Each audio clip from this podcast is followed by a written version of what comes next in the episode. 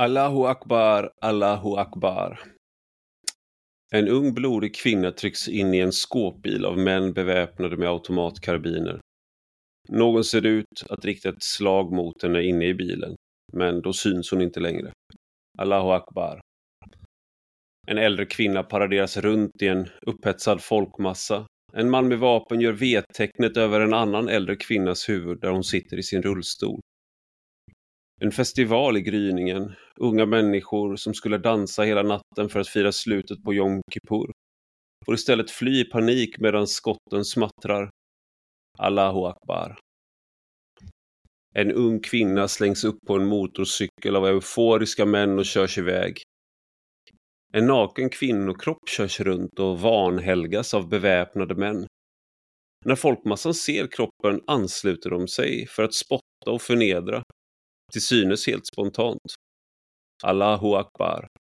Gråtande barn som i desperation klänger sig fast vid sina mammors ben men likt förbannat kidnappas. Bilder och filmer på familjer som massakreras, lemlästas, mördas. Beväpnade män som skjuter urskillningslöst på civila. Allahu akbar. Ständigt detta rop av triumf som ackompanjerar de allra grymmaste dåd. Allahu akbar.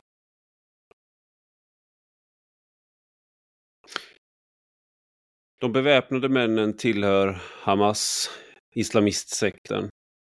Och offren är vanliga israeler. Det är inget krig vi bevittnar utan ett massivt terrordåd på en skala som är svår att ta in.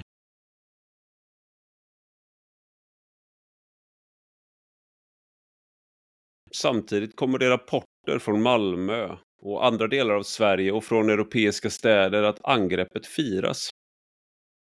I Sverige firas alltså tortyr, kidnappning och mord på barn, kvinnor och äldre. Vad gör dessa människor i vårt land? De är ondskans hantlangare och de känner inte ens att de behöver dölja det. De skäms inte eftersom antisemitismen bland deras landsmän är helt normal. Närvaron av dessa människor, som jublar åt terror, innebär att det bara är en tidsfråga innan det som sker i Israel även sker här. Igen och igen och igen. Det som sker i Israel nu angår oss i allra högsta grad. Av flera skäl. När vi mördas är det också till ropen av Allahu Akbar, precis som israelerna. Det är samma ondska här som där. Samma besinningslösa hat, samma terrorister. I dagens podd pratar jag med min goda vän Adam Sveiman. Han är politisk redaktör på Göteborgs-Posten. Vi skrev så blev vi alla rasister ihop för några år sedan. Han kom just tillbaka från en resa till Israel och jag ville prata med honom om det som nu sker och fråga honom om hur han upplever det, hur han ser på saken och vad de han pratar med eh, säger. Nu till dagens gäst. Du lyssnar på Rak Höger med mig, Ivar Arpi.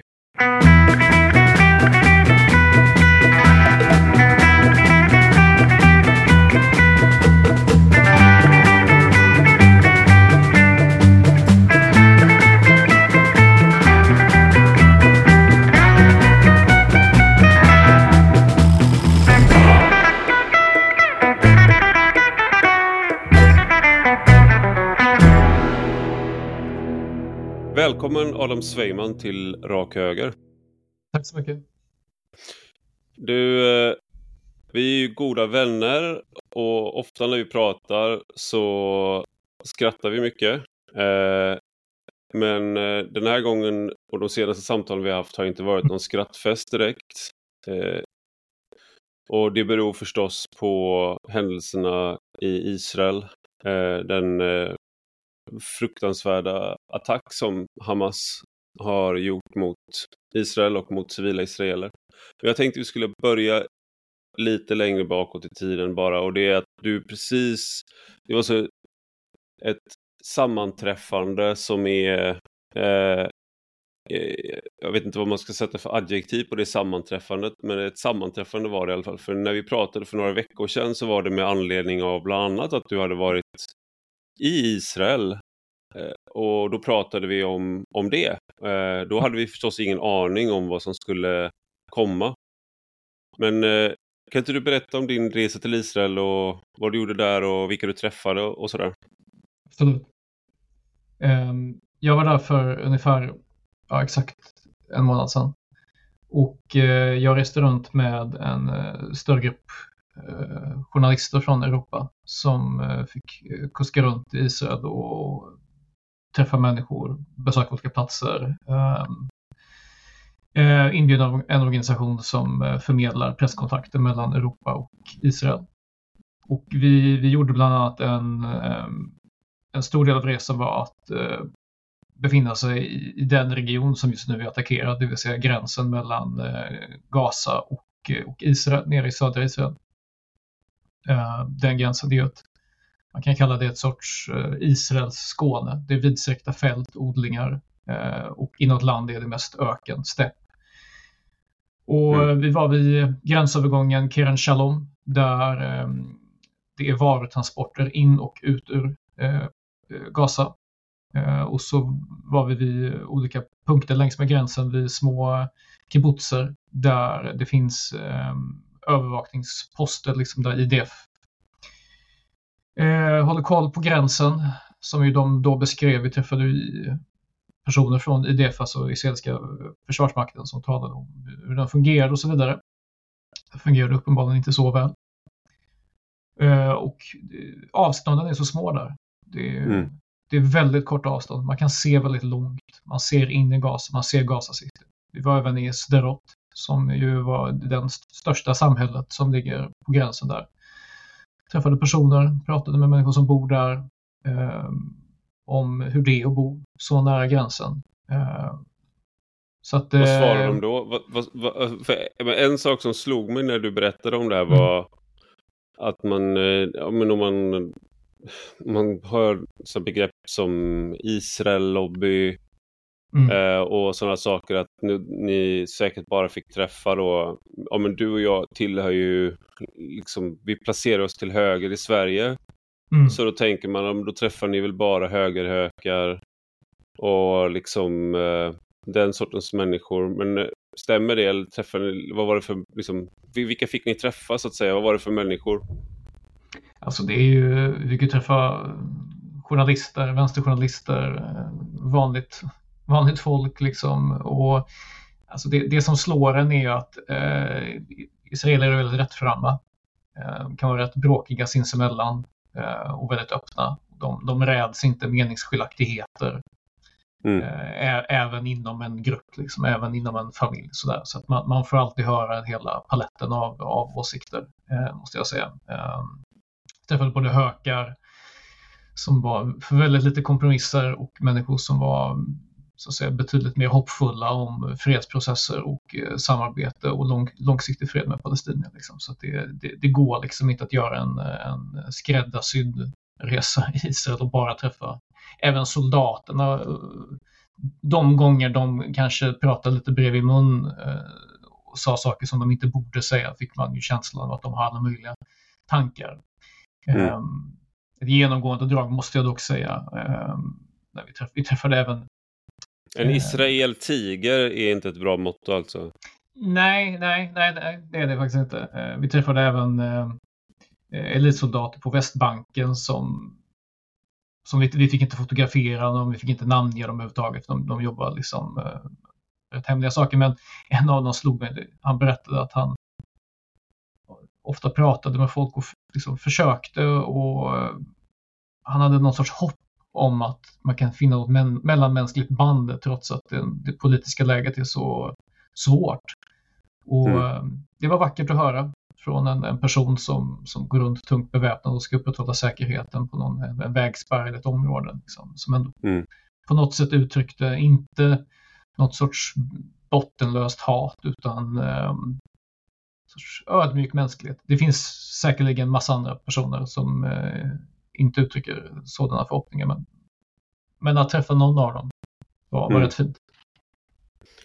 Det blir ju det är, det är också från den här regionen som berättelsen om den barmhärtige samariten kommer, vilket är en eh, historia som kanske förlorat sin tyngd, men i det här fallet med den här soldaten kanske man kan komma ihåg att samariterna mm. var svurna fiender till judarna. Att det var att man hade liksom en, inte exakt som det är i dagens situation mellan palestinier och israeler, men det liksom, finns vissa likheter.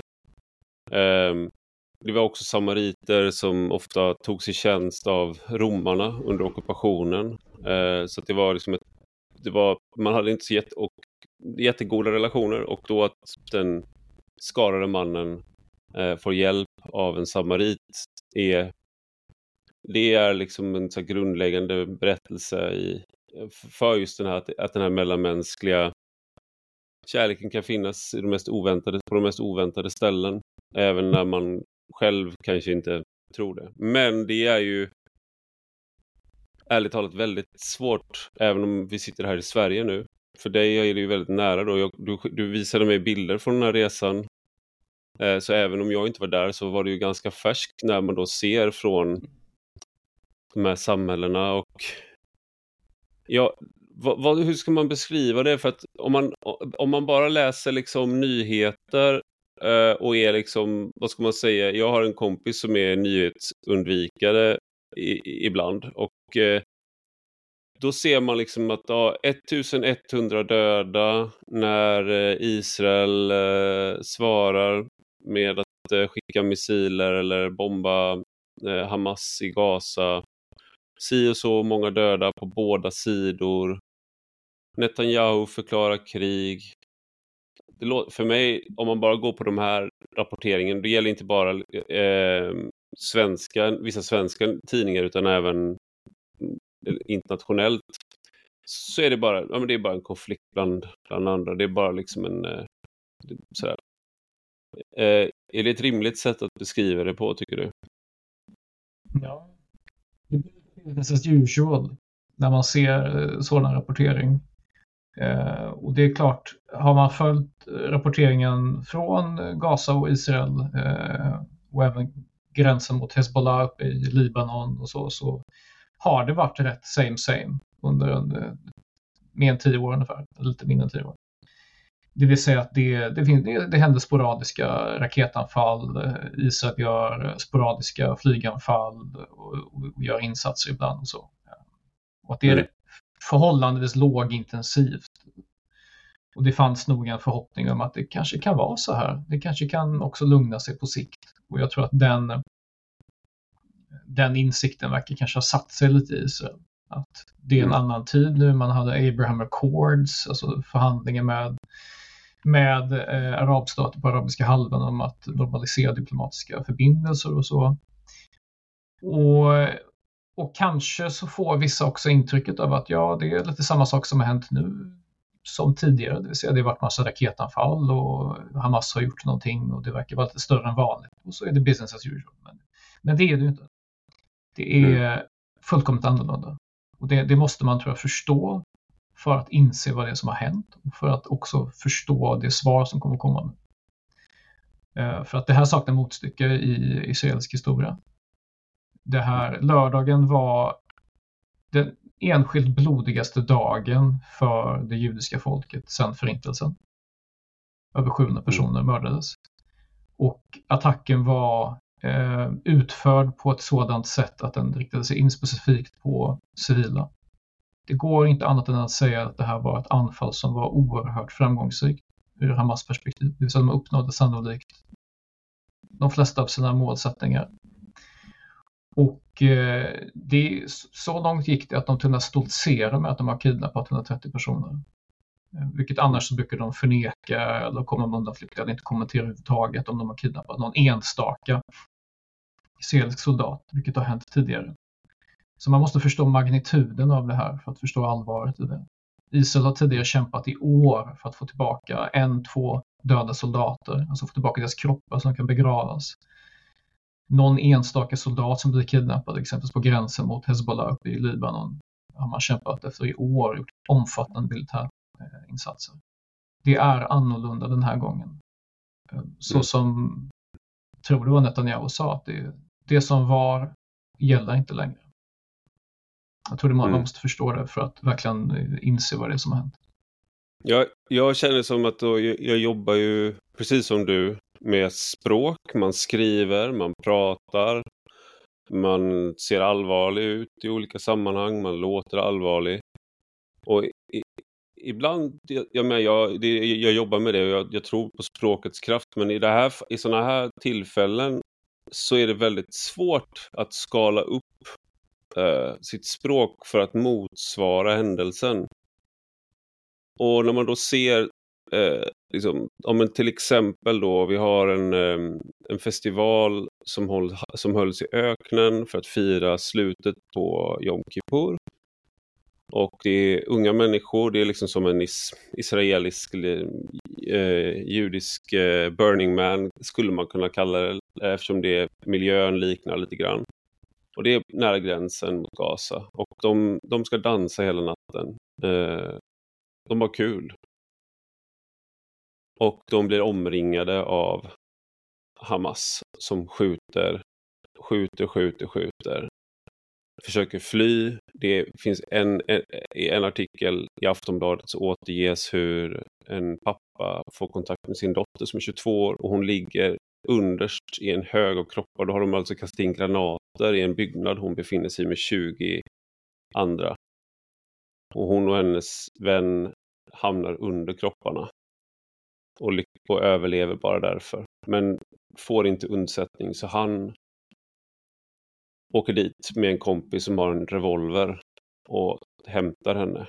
Och liksom räddar henne på egen hand för att det var ju sånt kaos. Och liksom skalan, bara, bara den händelsen är ett Bataclan i Frankrike. Det, det, det, det, det är liksom som Breivik upphöjt i, det är för det är större skala, det är fler döda. Och sen sker det här, du var i Sterå som, var, som, ligger i sö, som ligger den största staden eh, i södra Israel på gränsen till Gaza, den här regionen. Där de åkte runt och sköt på måfå eller på alla civila de kom åt. Um, och skräcken. Och det, är liksom, det är svårt att, eh, ja, men jag, jag upplever, jag, som du hör, att jag, jag upplever det, det, det blir som att man eh, jag pratade med en, en kompis som inte har följt det här och försökt beskriva och då blir det som att det låter som att jag överdriver. Eh, för att, ja, men nu har jag sagt en hemsk sak som är fruktansvärd. Den här, och det är många händelser i en den här festivalen. Den här eh, sammankomsten. Um, men när man fortsätter då berätta, det där är bara, det där är en del. Um, så blir det som att man, det är svårt att fortsätta, det blir till slut att man säger 700 döda, 200 eller 130 kidnappade. Men varenda en av de där siffrorna är, är en situation, varenda en av de där är en människa och en, liksom någonting som hände, en händelse. Jag tror att eh, det går inte att stanna vid och tala om, eh, om, om siffror för att det, det på något sätt hjärnan stänger av, stänger ner. Det blir en abstraktion. Man måste tala om avsikt, man måste tala om hur människor agerar i en konflikt. Eh, för det säger väldigt mycket. Faktumet att de eh, under en sån här attack förnedrar, våldtar, misshandlar, visar upp förnedrade barn exempelvis. Eh, åker runt med eh, en död kvinna på ett flak medans eh, åskådare skanderar Allahu Akbar och eh, försöker slå lite också om de kommer åt. Det, det, det förklarar på något sätt karaktär på det som händer. Det, jag tror det måste mm. förstås, man måste se igenom siffrorna, abstraktionerna eh, för att verkligen blicka in i den ondska som, eh, som vi får se här. Det är först när man förstår den som man också kan orientera sig. Lite grann, som man orienterar sig i världen. Förstå att det här existerar. Det här finns. Det finns människor mm. som utan att skämmas och utan skuld gör så här det är viktigt. För att annars tror jag vi kan eh, tänka bort den och kanske tänka att man vill tänka bort det. Man vill, man vill tänka, tänka, bort, bort det. Och det är det jag, jag, så känner jag att jag har svårt att man, man värjer sig. För det, det är någonting med, jag tror det, det var du som, som berättade det för mig att det, det går inte att jämföra med förintelsen det här eh, i skala och liksom förintelsen är liksom det, det är en unik händelse. Men en sak som du beskrev eh, det är inte du som har kommit på det, men jag, jag hade inte läst det. Det var att eh, liksom, en del av de soldaterna som fick i uppgift att avrätta i massavrättningar, de behövde supa sig eh, dyngraka. Eh, vissa klarade inte av det. Eh, folk kräktes. Eh, det, var liksom, det, var en, det var inte någonting som de flesta som var beordrade att göra det eh, hade lätt för. Det är klart att det fanns. Det fanns folk som var det finns i varje, liksom, varje tid och de, särskilt under nazisttiden såklart att den typen av människor briljerade som jag har, som är psykopat, som har noll samvetskval och njut, sadister. Men de flesta människor är inte sådana. Eh, det som är svårt att ta in med den här händelsen är att man är så glada åt att mm. vanhelga, eh, liksom förnedra en död kvinna. Man klär av henne naken, paraderar runt den och den spontana reaktionen från de omkringliggande att döma av filmen är, är glädje, eufori. Samma sak att man paraderar runt kidnappade eh, kvinnor, äldre kvinnor, eh, barn. Det, det, det, är, det är inte det att, att man kidnappar eller att folk skjuts som är det svåraste att ta in. Utan det är den här glädjen, jublet, ropen. Alltså, är det någonting, skulle du säga att det är någonting som är, liksom är kvalitativt annorlunda då i det här än andra krig eller andra situationer som liksom det här är inte enda, enda förekomsten av den sortens, den sortens bottenlöst eh, hat som gör att man motiverar sig till detta. Men, men tanken slog mig just som du, som du nämner att, att eh, under, när den här Einsatzgruppen under andra världskriget skulle exempelvis skjuta till och med tusentals personer, barn, familj och så vidare. Många drevs till vansinne, eh, som du säger, många söp, eh, vissa sköt sig själva och så vidare. Ehm, det genomfördes, ehm, men nazisterna försökte också dölja det. De försökte dölja så långt det bara gick. Man gömde massgravarna. I vissa fall så flyttade man dem till och med. Så att kontrasten mellan det som, som historiskt massmord och, och, och, och denna massaker är ju att Hamas har inte försökt dölja någonting.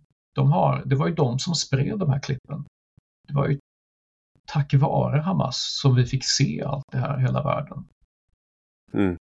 Deras triumf. Och det här är som någon sorts, eh, jag vet inte, krig från antiken nästan. När man, eh, när man eh, verkligen tar och avrättar alla männen, förslavar kvinnorna, eh, saltar marken och jämnar allting bara med marken. Mm. Eh, det är den sortens eh, krigföring, för i någon mån så betraktas det här av Hamas som en del av krigföringen, men det är en krigföring så inriktad på att eh, inte följa några av, av, krigets lagar eller, eller visa hänsyn mot civilbefolkningen, vilket oavsett hur man ser på saken. Det är Israel som eh, försörjer eh, Gaza med vatten, el, eh, transporter av förnödenheter, import, export och så vidare. Det hade de inte behövt göra. Jag vill upprepa det, de hade inte behövt göra det. Mitt under den här attacken under lördagen så finns det en scen från Al Jazeera. Det är ett Al Jazeera-ankare som står och nyhetsankare som står och talar i ett hus i Gaza City. Bakom henne kommer en så kallad eh, eh, takknackare, det vill säga det är en liten bomb som israelerna skickat mm. för att varsko de i huset att det kommer en större bomb snart. Varför gör ja. man det? Varför gör man det? Varför, varför bemöda sig? Mm. Därför att man någonstans vet om att man skulle kunna jämna hela Gaza med marken. Mm. Man skulle kunna göra det. Eh, men man försöker så långt det är bara möjligt att undvika att civila skadas. Civila är aldrig måltavlan, det fyller ingen som helst funktion. Det är varken moraliskt anständigt eller fyller något sorts eh, militärt mål om man vill eh, nedgöra motståndarens militära infrastruktur. Det vi har sett och såg i lördags, det var något helt annat. Det är att avsiktligt gå på civila. Jag ska säga mm. att en minoritet av de som kidnappades var soldater. Alla måltavlor var, var civila och de militära mål man hade det var hinder på vägen för att komma åt israelernas mjuka del, det vill säga de civila. Så att det, det, det, är, också det, är, där, det är också sån där sak när man tänker på de du träffade då. Eh, du har liksom, om du har en vänsterjournalist från eh, Haaretz eh, mm. som är vänsterlutande tidning. Man kan ha, man, man får träffa, det finns många olika typer av israeler med många olika åsikter. Det har ju varit en lång kamp inom Israel nu om eh, eh, författningen och väldigt hård intern kritik mot Netanyahu som vill driva igenom det här. Och folk har varit ute och demonstrerat och varit stora demonstrationer. Eh, men det spelar ing... Det där är ju liksom en eh, nyans, nyanser som inte spelar någon som helst roll eh, för Hamas. Alltså, det spelar ingen roll vem du är, var du är, vad du tycker. Så länge du är Israel så är du en fiende. Det spelar ingen roll om du är soldat. Det spelar ingen roll om du är civil. Eh, du är bara en fiende och eh, ett legitimt mål. Det spelar ingen roll om du är man, eh, kvinna eller barn. Barn är framtida soldater det är liksom en... Hade Hamas haft möjlighet att döda alla israeler så hade de gjort det direkt utan ett enda samvetskval och då hade det varit ännu mer firande. Ja. Det är det, det, är det som är, det är bara kapaciteten på något sätt det handlar om. Jag, jag tänker, jag har hört den liknelsen i USA framför allt, men också sett den nämnas i Sverige, att man har jämfört med 11 september attackerna i New York. Och jag förstår att den görs för att det var traumatiskt för amerikaner. Men det var inte en invasion. Och det var inte heller ett utdraget förlopp där människor fortfarande långt efter är, eh, hålls som gisslan. Eh, och det var inte att man, man kommer tvingas se bilder av den här gisslan under lång tid framöver. Det var traumatiskt på jättemånga sätt, men det... Ja, men jag, jag, jag tror att den jämförelsen haltar även om man, man tänker in geografin. Att det är sådär... Det är jättehemskt det som hände 9-11 och eh, förändrade väl världen. Men du ser inte Afghanistan från ditt fönster när du tittar ut i USA. Eh, du ser inte Al-Qaidas huvudkvarter från ditt fönster. Eh, du kan inte ropa om du öppnar ditt fönster till så att det nästan hörs bort till Al-Qaida. Osama bin Laden sitter inte och vinkar på andra sidan ett stängsel. Men det är ungefär den situationen som är nu efter den 7 oktober som kommer vara ett datum som jag tror vi kommer, man kommer minnas länge. Jag talade med, med en i, i söndags så, så talade jag och flera av de här journalisterna som var, hade varit och rest då. Eh, vi hade kontakt med ett antal personer, vissa som vi hade pratat med tidigare och andra som vi pratade med för första gången. Och vi, det var bland annat en kvinna från en liten eh, sån eh, Moshav jordbrukssamhälle som ligger precis eh, vid gränsen. Alltså verkligen. Och det, ja, det... Moshav är inte, det är inte som en eh, kibbutz, men man, för kibbutzer det är mer kollektivt. Men en Moshav ja. så delar man typ verktyg och, och sånt där. Det är lite, mm. det är lite kollektivt men inte, inte, inte, inte 100% kollektivt. Nej. Ja. Och hon, hon, berättade om hur, hur det hade varit där. Eh, det här är en liten morsa som heter Netiv Ha Den ligger, jag kollade faktiskt på Google Maps för jag var tvungen att se hur långt det var. Den ligger 800 meter från eh, gränsen. Ja. Och det var, det var, jag tror det var 17 personer som hade mördats i den, i den moshaven. Um, och hon berättade att eh, det var ett, ett, par ord från henne som, som, som verkligen gick rakt in i hjärtat på mig. Hon sa jag ber, jag ber för Gaza. Mm. Eh, för att hon, hon, insåg att, att eh, nu var det krigstillstånd. Eh, och oavsett vad som hade hänt så, så kommer ju människor bo där. Ehm, mm. Men, men, och trots att hon precis har varit med om att så många ur hennes lilla samhälle, det är väl bara ett par hundra som bor där, hade mördats, så förmådde hon sig att säga de orden och var inte fylld av någon sorts hämndbegär eller, eller, eller något sådant. Um, och, jag, och, jag, tror att där man har... Det är, väldigt, säger... det är, väldigt, det är väldigt, väldigt starkt. Jag, jag, är, eh, jag kände, du, jag, du skickade uh, det, det citat, eller du återgav det till mig och uh, det första jag kände var att oh, undrar om jag hade haft den styrkan i det läget att kunna både liksom okej okay, vi, vi, måste agera, vi måste mm. försvara landet men också komma ihåg den mänsklighet som de här människorna har som många av dem inte erkänner att vi har. Mm. Det är nog väldigt svårt. Jag, jag, vet inte om jag hade klarat av det. Jag tror inte det i hennes, i hennes sits. Um, men uh, någonstans så är den här väldigt liksom, fysiska gränsen som finns där, den är, det är så himla nära. Eh, så som du säger, man, efter 9-11, det var att man, man såg inte talibanerna, det var någonstans där borta. Utan det är så oerhört nära och det är en sorts gräns mellan, där blir gränsen för någonting, ett, väldigt, ett besinningslöst hat, är så nära total normalitet. Och, eh, man kunde se exempelvis, när jag var där så såg jag rätt många gästarbetare från Nepal och Thailand och så, eh, Filippinerna som, som liksom arbetar på de här, liksom, de här jordbrukssamhällena. Flera av dem har också kidnappats och mördats. Um, och man ser den här normaliteten, det här samhället som ja, men det är väldigt ordinärt. Alltså. Det, det, Sterot ser väldigt mycket ut som någon sorts uh, israelisk herrljunga. Liksom. Det, det, det, ser så himla alldagligt ut. Eh, och så nära så sitter det folk och planerar ond bråd död på de mest avancerade sätt de bara kan tänka sig. Istället för att bygga upp sitt samhälle, istället för att försöka lägga den energin på att bygga upp sitt eget samhälle.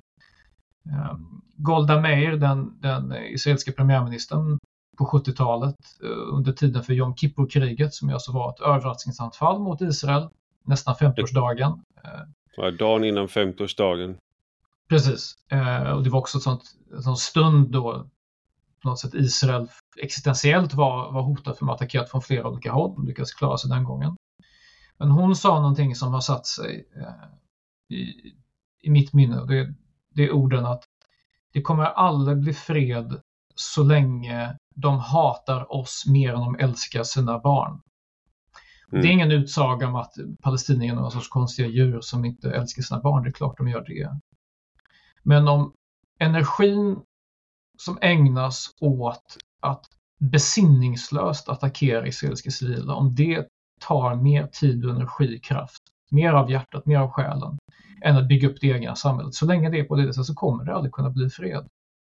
Det går mm. inte. Det, det, går inte att vara granne med sådana människor och få det att fungera. Um, och jag tror att Israel har varit väldigt, har längtat efter att uppnå någon sorts normalitet. Att kunna vara så här, vi, okay, vi kommer inte bli vänner, vi kommer inte funka ihop och sådär, men kan vi åtminstone bara ju, mer, ju lugnare det blir, ju mer kan vi öppna upp gränsen för att det kommer, kommer gästarbetare in till Israel och jobbar. Palestinska löner är mycket lägre så att det har varit någonting som ekonomiskt har bidragit till både Västbanken och Gaza. Att här, man låter det gå, det kanske blir bättre. Mm. Hamas visste att gör de det här så kommer det besvaras. Mm. Det vet de 100 procent och de vet ungefär vad det kommer innebära. De visste detta. Så de visste att när de gjorde detta det var inte bara det att de gav sig på eh, oskyldiga israeliska civila. De visste att en direkt konsekvens av detta var att deras egna barn, deras egna familjer, deras egna anhöriga kommer få lida för det här. Mm. Och det gör det än mörkare. De gjorde inte detta riskfritt eller bara med risk för sina egna liv. De gjorde det även med risk för sina anhöriga, sina egna familjer. Och det, jag kan inte sätta mig in i det. Jag kan inte förstå det. Och jag tror att många israeler inte heller kan sätta sig in i det. Inte heller kan förstå det. Um... Det är den här millenariska längtan eh, efter eh, när det finns ett högre mål och det, ingenting som sker här på jorden kan trumfa det. Det finns mm. dina barn, dina barn kan du älska men du älskar inte det, dem lika mycket som det. De, och, och du, du, kan kalla det Gud om du men det är, det är givetvis inte Gud. Förlåt min eh, monoteism, men du, du kan inte resonera så och eh, tro att du har Gud på din sida, även om de ropar att de har det. Eh, och det, det, säger, det är också talande vilka som har hyllat det de har gjort. I, I Mellanöstern så är det ju Iran som stöttar Hamas också och Hizbollah. Eh, det är, liksom, det är, de, det är den, den sortens eh, som har, delar på många sätt samma millenariska mm. ideologi. Eh, där man, eh, man är inbegripen med ett, eh, ett väldigt långt krig. Där Israel är en del av det, USA, västvärlden. Eh, Israel ligger närmast, så att säga. Jag tänkte också bara komma in på det för att om man då ser de här scenerna och jag har sett saker jag ångrar tidigare eh, som hemsöker mig. Eh, när Islamiska staten rullade in i Irak, tog över stora områden, Syrien och de tog framförallt över Sinjar-regionen, provinsen och Nineveslätten. Då tittade jag på väldigt många filmer och bilder för att jag tyckte att jag behövde se för att det var just precis då, det gällde inte sen, men precis då så var det lite medieskugga kring de här sakerna. För det, det skedde samtidigt som Israel eh, och, och Gaza hade en, den senaste stora konflikten eh, 2014. Så det var i medieskugga, så då tyckte jag att jag behöver återge det här, jag behöver skriva om det här. Um, och, och då såg jag saker som jag liksom har gjort att jag jag undrar om jag fick något så här posttraumatiskt eh, stresssyndrom. Det fick jag inte. Men jag, jag, jag, blev i alla fall väldigt påverkad och det har aldrig släppt. Och något liknande upplevde jag när jag kollade, har kollat nu. Att man blir eh, kall eh, i själen. Och det sitter i fortfarande såklart. Det går inte över bara för att man slutar kolla eller man vänder bort blicken. Jag har haft svårt att sova. Man tänker på det här. Men, men då, så jag ska inte prata om min, mina egna psykologiska lidanden här. Det är det minsta i, i saken i allting som händer. Utan det jag ville komma till var att människor firar på gator i Sverige, i Malmö. Människor eh, åker runt eh, och är glada. Och det är inte bara i Sverige. Det är liksom i, ja, det, det är runt om i Västeuropa. I, I, Manchester var det till och med demonstration eller manifestation till stöd för Palestina. Du ser liksom en person som Masoud Kamali eh, lägga ut efter allt det här, alltså i, liksom, i, igår, när allting, alla, all, man vet alla de här sakerna, hur hemskt, hur fruktansvärt det är. Lägger du, ändra Facebook eh, med liksom en palestinsk näve som krossar en israelisk flagga. Och hans liksom allierade som Adrian Kroglopo som driver Antirasistiska akademin på Göteborgs universitet. Eh, de gillar, alltså det, det är liksom ett firande som pågår. Och jag känner, hur, hur ska man kunna leva med de människorna här? Jag tror det finns två kategorier av eh, sådana människor. Eh, du har de som är eh, genuint investerade i den här frågan och i sitt hat mot Israel. Som alltid har, aldrig har på något sätt känt något annat. De kanske vuxit upp med det. De kanske kommer från Mellanöstern. De har det här sen barnsben lärt sig att hata Israel mm. och, och väst med, med, med, med allt de har. Det är den ena gruppen. Sen finns det en annan grupp som ju nästan alltid har existerat i västvärlden och det är de nyttiga idioterna. Det är sådana paradoxala typer som kanske är hbtq-vänner men samtidigt eh, hyllar liksom, Hamas befrielsekamp. Eh, personer som inte skulle överleva en, en, minut i de här samhällena. De skulle ju anses vara degenererade eh, politiska eh, avvikare eller något annat. Mm. Och de, de, är ju, de har alltid varit sådana. Eh, det, det, var samma typer som, som försvarade Sovjetkommunismen och Lenin och Stalin och så vidare. Ehm, och eh, den kategorin människor skulle jag säga är lite mer ovanlig nu än tidigare.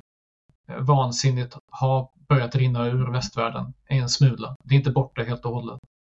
Men det finns fortfarande kvar. Men det finns inget sånt som förvånar mig överhuvudtaget. Eh, snarast förvånar mig att det har minskat. På 1900-talet var det betydligt värre.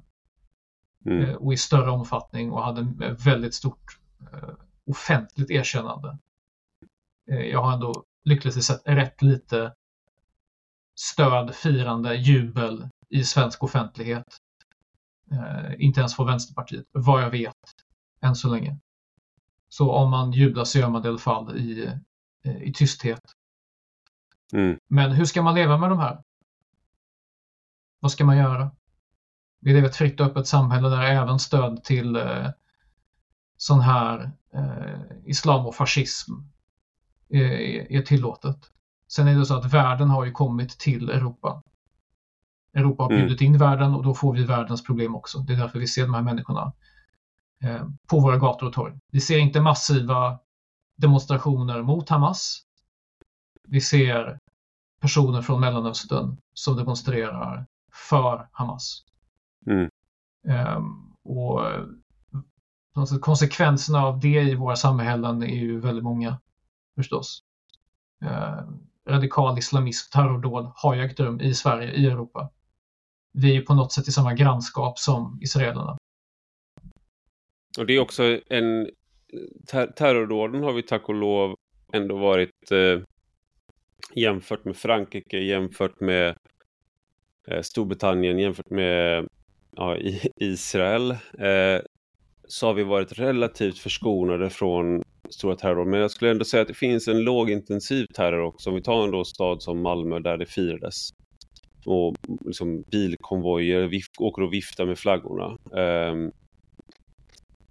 eh, det är ju en stad i Sverige där judar har, eh, har väldigt svårt att vara att vistas om det är synligt. Och det där har ju testats på olika sätt. Vi hade ju en eh, journalist från Uppdrag granskning som iklädde sig kippa och gick runt och blev, eh, och han är ju stor, liksom välbyggd man så att säga. Så att inte, vad ska man säga, rent fysiskt någon som man identifierar som ett lätt offer. Spelar ingen roll. Eh, han blir ändå väldigt, väldigt eh, påhoppad. Um, och det är där, det, det, vi har liksom en stad i Sverige där om du är jude, göm det. Mm. Är liksom en, och det, det, är inte min uppmaning utan det är någonting jag vet att, att eh, andra judar eh, har sagt till sina barn till exempel. Och, och så här, då är vi ju redan eh, i en situation där vi har anpassat oss till de här som åker ja. den här konvojen, de är ju inte rädda uh, för att fira det. Nej. Men jag, jag, jag, tror inte att nu att det kommer komma en konvoj uh, med israeliska flaggor uh, och åka genom Nej. Malmö. Nej, av, mass, det, det, av, av, mång, av, många skäl, för att inte, krig är inte heller någonting som de flesta tycker är värt att fira på det sättet. Nej. Alltså, om, om det skulle bli känt för övrigt, om det skulle bli känt att israeliska soldater nu går, när man för, av allt att döma förbereder en markinvasion av Gaza, om det blir känt att, israel, att israeler eh, utför massakrer på det sättet som Hamas har gjort, Så jag är ganska säker på att israeler kanske kommer, alltså, kommer att demonstrera mot det. I Israel. Mm. Så är det. Jag, jag, har en tanke kring det här, eh, sista och det här får bli mina, får bli mina slutord. Eh, jag, jag har pratat med många, många vänner, eh, familj, andra med, med någon judisk anknytning i Sverige och Europa de senaste dagarna. Och, och någonting som jag hör mig själv upprepa är, är det här att man talar om, är det, ska man vara rädd? Vad är framtiden egentligen eh, när den här sortens liksom, dominansbeteende, det vill säga det är riskfritt. Du kan stödja Hamas efter en sån här dag, efter en stor massaker mot Sida, så är folk ute och firar och så. Och då hör jag mig säga följande. Om inte ens västeuropeiska länder förmår skydda sig själva från sådant beteende som vi sett i samband med korankravallerna, terroristattacker, hedersvåld, gängvåld som springer förstås ur en eh, djupt problematisk eh, klan och eh, liksom, stamkultur med blodsfejder och annat.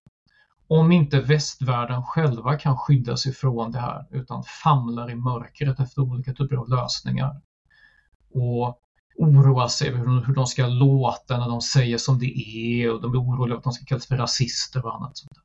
Om inte ens de kan skydda sitt eget samhälle, sina egna familjer från sprängdåd, eh, från radikalisering, från att skolor tas över och att stadsdelar behärskas av eh, klaner eller gäng och annat. Om de inte ens kan skydda sina egna samhällen. Vilket hopp kan vi ha om att de någonsin kommer skydda oss som minoritet i det här landet? Och de har bevisligen, med dem menar jag det svenska samhället, kunde bevisligen inte få den lilla pyttelilla judiska minoriteten i Malmö att känna sig trygg att visa sina minoritetssymboler öppet eller vara stolt över sin tillhörighet. Bevisligen gick det inte. Så det går inte att skydda de minoriteterna i Europa. Och därför vill jag understryka att det som händer i Israel är inte långt där borta. Vi är i samma grannskap. Skalan må vara annorlunda. Magnituden på det hela må vara annorlunda. Problemet det är likadant. Här som där. Stort tack Adam Sveiman för att du var med i Rak Höger. Tack. Och stort tack till er som lyssnar. Som ni hörde så är både jag och Adam påverkade av det som nu sker. Jag är tillbaka igen med ett nytt avsnitt om en vecka igen.